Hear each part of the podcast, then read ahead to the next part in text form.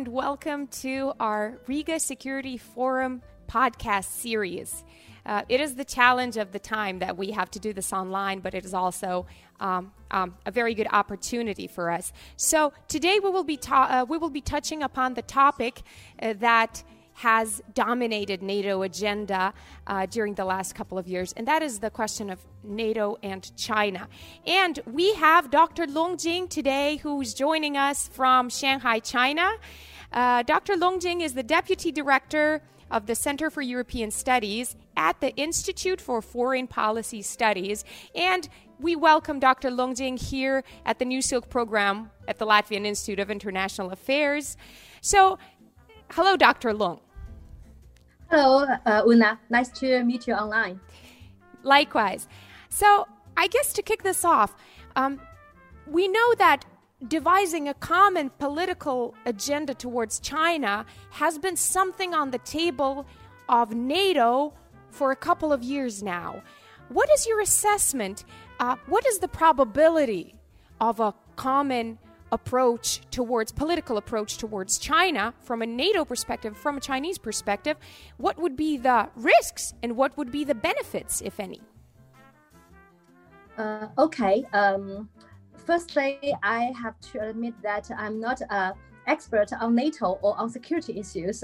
So all what I'm going to say is just my uh, own opinion based on my very limited knowledge on NATO and security issues. Uh, but as I know that uh, China actually has very limited uh, contact and communication with NATO uh, in the past, uh, but it doesn't mean that we take a hostile attitude towards NATO. Uh, I think uh, we keep distance with NATO uh, mainly because of our principles, such as non-alignment. Uh, but also maybe because of some historical reason, because uh, we know that NATO was created during the Cold War and with the purpose uh, to confront the Soviet Union. So after the Cold War, since the Cold War has already ended, so from Chinese perspective, we didn't find any very enough in reason to explain or support the legitimacy of the ongoing operation of the NATO. But of course, uh, after the Cold War, we have seen the adjustment of the tasks of the NATO, uh, like to uh, transfer the uh, uh, focus on regional security to uh, tackling with more global and non-traditional security threats. Uh, so I think uh, in this perspective, I think uh, it created some some space for cooperation between NATO and China because we both uh, face with uh, facing with uh, some global challenges and non-traditional challenges such as climate change, such as the ter- terrorism. So. Um, I think that's why we can see some kind of uh, contact, some kind of communication between NATO and China. Uh, but uh, honestly speaking, in recent years, we witnessed a trend of thinking and behaving um, returning back to Cold War mm-hmm. period. Uh, like uh, to uh, expand and upgrade the military presence in certain area and result in a series of tit for tat military move from Russia. So in this circle, circle from Chinese perspective, it is really hard to judge which one is the cause, which one is the effect. So what we see is that all the country in some region, such as Baltic, um, have been trapped into the security dilemma. Um, and the regional uh, stability and cooperation have been replaced by tension and confrontation. This is what uh, Chinese side would not like to see uh, in the rest of the world. Thank you. Oh, just to um, follow up on, on, on a few points that you mentioned, and one of these is, is, is the, the, the security dilemma for the Baltics.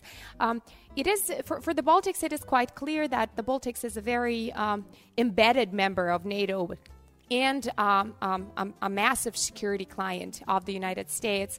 Um, given this situation, and given given the fact that you kind of outlined the fact that there is some blocking and uh, just forming forming some um, like-minded alliances, let's say across the globe, um, how does China see? The, perceive this shrinking space of possible cooperation between China and Europe at large, and China and the Baltics and Latvia in particular? Yes, of course. I think uh, uh, the stakeholder um, uh, in Baltic, uh, firstly, directly have the very bad impact on the regional cooperation uh, between neighboring countries. I mean, the Baltic states and uh, and Russia, because you are neighboring countries, but it is very difficult, very hard for further cooperation uh, in this region uh, because of the uh, tension of the, in the security area, but also it has some um, further implication uh, to the relationship between China and uh, uh, Central Eastern European countries, especially between China and the Baltic countries, because we notice that all three Baltic states they attach great, great importance to security, and sometimes it's kind of absolute security, which means they not only um, focus on the security uh, in uh, territory areas, but sometimes even on uh, uh economic areas and investment areas. Uh, uh, investment um, business relationship with the other big with China, um, and they also regard some some big investment Uh, uh, with uh, some uh, security uh, concerns. for example, we noticed that all three Baltic states they released the latest security reports, and they regard also regard China as um, one of their major threats in the future. So this is quite a shock to Chinese side because we always regard that we don't have any um, conflicts, any um, historical uh, conflicts with this area, and uh, we only want to have business uh, economic cooperation with uh, this region. But why all these three countries they regard China as a threat? So this definitely have some very negative impact to our bilateral relationship. Well, to be fair, as you know, that is a more or less a joint EU position, right? So um, it is quite clear that the Baltics, there is no dilemma for the Baltics in terms of where do we belong, right? In terms of identity, it's it's a it's a country rooted in Euro Atlantis. These are countries that are rooted in Euro Atlanticism, so that explains it, right? So my second question is. Um, now, and that is an obvious question, and I'm sure you you you you you had it coming and you knew it, and that's about the the, the Biden presidency, right? So, um, a lot of things that you referred to previously had to do with the Trump administration, right? The the, the trade war with China and the the the, the, the relationship, the tensions in in, uh, in U.S. China relationship, and also the strategic triangle: China, EU, and the U.S. and kind of every player for himself in a, in a sense. What is your reading of what the next administration could bring in this game? Um, we all know that uh, Trump administration used trade war to uh, contain China and also uh, play the card of security uh, threat uh, in the rest of the world. Try to uh, uh, call for the uh, for more countries to uh, join its anti-China alliance and uh, uh, try to limit the cooperation space uh, between China and other countries. Uh, I think the Biden administration, when when, when Mr. Biden um, gets on stage, definitely he will change the previous policies. he will not play the card of um, uh, high tariff like trade war uh, as uh, Mr. Trump did. but I think um, the main purpose will still be uh, to contain China, uh, to uh, protect its advantages in economic area and also in technology area. And also security will still be a very important card when this administration to cooperate with its alliance. In terms of security threats, security risks, um, what do you see could be the biggest issue of the 21st century between China and the US? Um, I think uh, um, the threat, uh, the, the, security issue uh, between China and the uh, United States will be um, how to um, keep um, U.S. Uh, dominant uh, role in the world's order. So this, uh, from U.S. perspective, it will be a major security issue. I, I, don't think there will be any um, military security issues between China and uh, um, United States, but I think uh, um, the security issue will be a kind of uh, border concept, and it will uh, the, the United States will focus on uh, those uh, uh, its advantages in technology, in economy, and also in some related areas. We just to go back to something that we started with, namely with the fact that NATO is trying to de- develop um, a joint political agenda towards China and towards other issues as well. And that kind of brings NATO also closer, not just to its own members, uh, but also to what is called like minded countries, right, across the globe. And I'm talking, of course, here about Australia, uh, South Korea, and so on and so forth. So, how does it, what does it look? What, what's, what's the reading from China?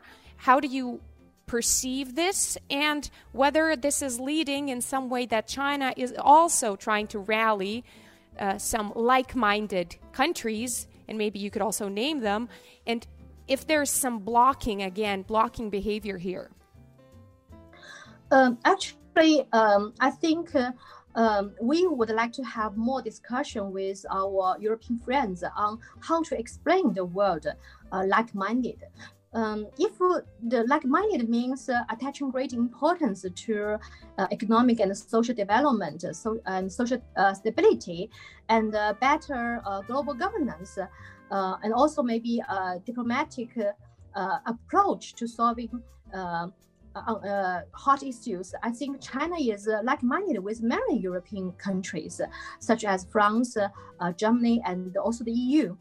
Uh, but if uh, like-minded means holding same values and uh, practicing similar political uh, systems, um, it will be an augment of a new Cold War, which will be very uh, dangerous. Uh, during Trump administration, values and ideologies have become a tool of U.S. to persuade the other countries to follow its containing policies towards China. Uh, but the main purpose is still try to protect U.S. leading position in economic and technical uh, areas. Uh, besides, I don't think it is helpful to solve uh, many global challenges uh, only between those like-minded partners. such as like pandemic, the terrorism, climate change. Um, I don't think only those uh, like-minded countries can solve these uh, global uh, non-traditional uh, challenges. And uh, last but not the least, I think this kind of logic will also uh, lead to more confrontation, conflicts, and also instabilities in the world, and set more obstacles between countries willing to cooperate with each other. for example, maybe you noted that we just um, signed a uh, agreement with uh, ASEAN countries. The name is uh, RCEP. So it's kind of integration, economic integration between uh, China and uh, uh, Japan and Korea and all the countries in the Southeast Asia. So I think this is a big, very important step for the regional uh, economic integration and will bring more economic uh, stimulus uh, to the world economy. So I think you can also see this kind of like-minded countries uh, uh, group because we all want to uh, stimulate the economy to um, to to to increase to strengthen our economic relationship. So if uh, the U.S. try to use values and ideologies uh, to uh, persuade all these Asian countries to join its anti-China alliance.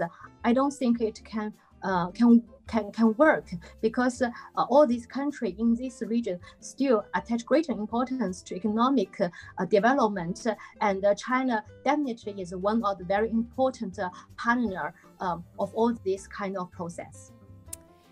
Thank you. And just again, you you mentioned uh, this this agreement. Um, uh, so I would like to ask, you know, just following the negotiations, um, uh, the negotiations phase during this agreement showed a lot of um, intrinsic uh, problems that the region faces, including India deciding not to be a signatory, and so and and that leads me to my next question, which is about the East Asian and maybe Indo Pacific security in the 21st century at large. It is a region where five out of eight official nuclear powers are situated, right? It is a region where the sixth nuclear power, the US, is very present. So, given this extreme saturation of the re- region in terms of great powers, in terms of military capacity, what is your take on the 21st century security in the Indo Pacific and in East Asia? Uh, because I'm not expert uh, on uh, security, but uh, uh, from my limited knowledge about the experience in Baltic, I definitely don't agree that any more military presence in this area can help uh, increase, improve the stability of the region.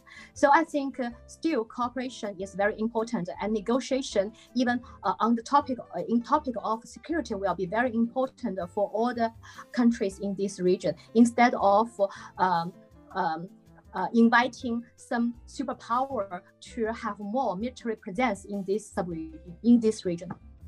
Thank you. And now to my last question. Um, to go back to your field of expertise, even though your field of expertise uh, is all encompassing, but as you mentioned, it's it's you mostly focus on Europe-China relations. Um, my question is, given this um, joint the, the the call for a joint political NATO agenda vis-a-vis China.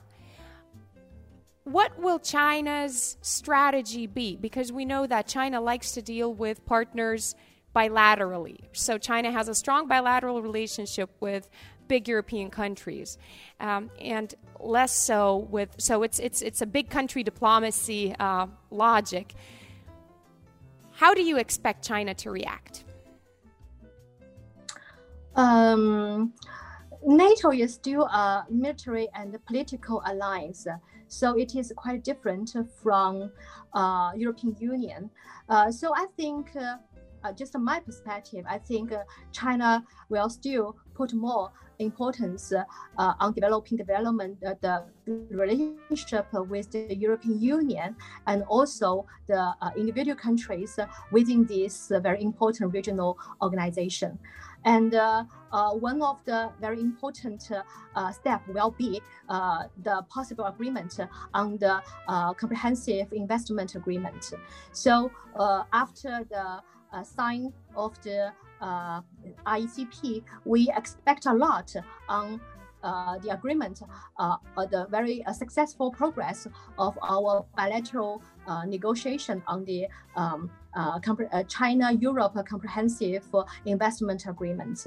And also, I think. China and the European Union can jointly work more on those non-traditional global challenges such as the pandemic and uh, anti-terrorism uh, uh, and also the climate change. So we still have a lot of areas, a lot of space for cooperate with each other. Uh, and uh, um, I don't think China and uh, Europe will um, focus too much on those uh, military areas, uh, maybe we can have this can have the dialogue on this on these issues in order to. Um, uh, increase the better uh, understanding. But uh, um, I think um, economic areas and also global governance areas will be the more important area for our cooperation. Just a follow up, because you mentioned EU China in, in this in this regard how does China view Europe, the, the calls for European uh, strategic autonomy? You know, most visibly propagated by the president of France, Emmanuel Macron, right? How does is it good for China? What's what's the take? Yes, of course. Uh, in China, uh, scholars uh, uh, attach great, uh, put a lot of um, attention to this uh, strategic autonomy raised by uh, EU and raised by some very uh, some some very important uh, countries in Euro European Union, and uh, I think most of the um, the main street thinking is that we quite encourage the EU can take more autonomous strategies in the world. Uh, which means they will be the, the Europe can be more independent uh, from uh, from U.S. impact uh, because we don't hope that we, we don't want um, uh, the Europe to follow U.S. logic to regard China as a Uh, biggest uh, rival uh, maybe uh, China and Europe, uh, we in some areas we are competitor, but we definitely are not uh, a rival with each other. So we still want to cooperate with Europe instead of taking each other as a rival. So I think this is the big difference between China, between Europe and and and, and the United States. So I think. Um, how to regard China is also one part of um, autonomous uh, uh, autonomic uh, uh, uh strategy uh, of the EU. So that's why we encourage that. We, we quite, um, how to say, we, we, we, we watch closely to the development of this autonomous strategy in Europe. Thank you very much, Dr. Long. It was a, a pleasure talking to you today and wishing you all the best. Thank you. Thank you. During these two one on one conversations that we brought to you with Dr. Long Jing from the Shanghai Institutes of International Affairs and with Dr. Michael Robert Auslin from the Hoover Institution, similar keywords emerged, and yet different worldviews. It begs the question what is the like mindedness that brings the countries together? Are they communities of values or just communities of common interest? What is the importance of rhetoric if the deeds do not follow is another question that the speakers expanded on and something that the world will have to face in the following decades. One thing is clear the international rules that upheld our system and guaranteed the stability are changing. Is it going to be cold peace or hot war between the US and the People's Republic of China remains to be seen. One thing is evident for small states, such as the Baltic countries, communities are crucial. In the chaos of every man for themselves, we simply will not survive. And that is why the international community has a responsibility towards us. Thank you for your attention.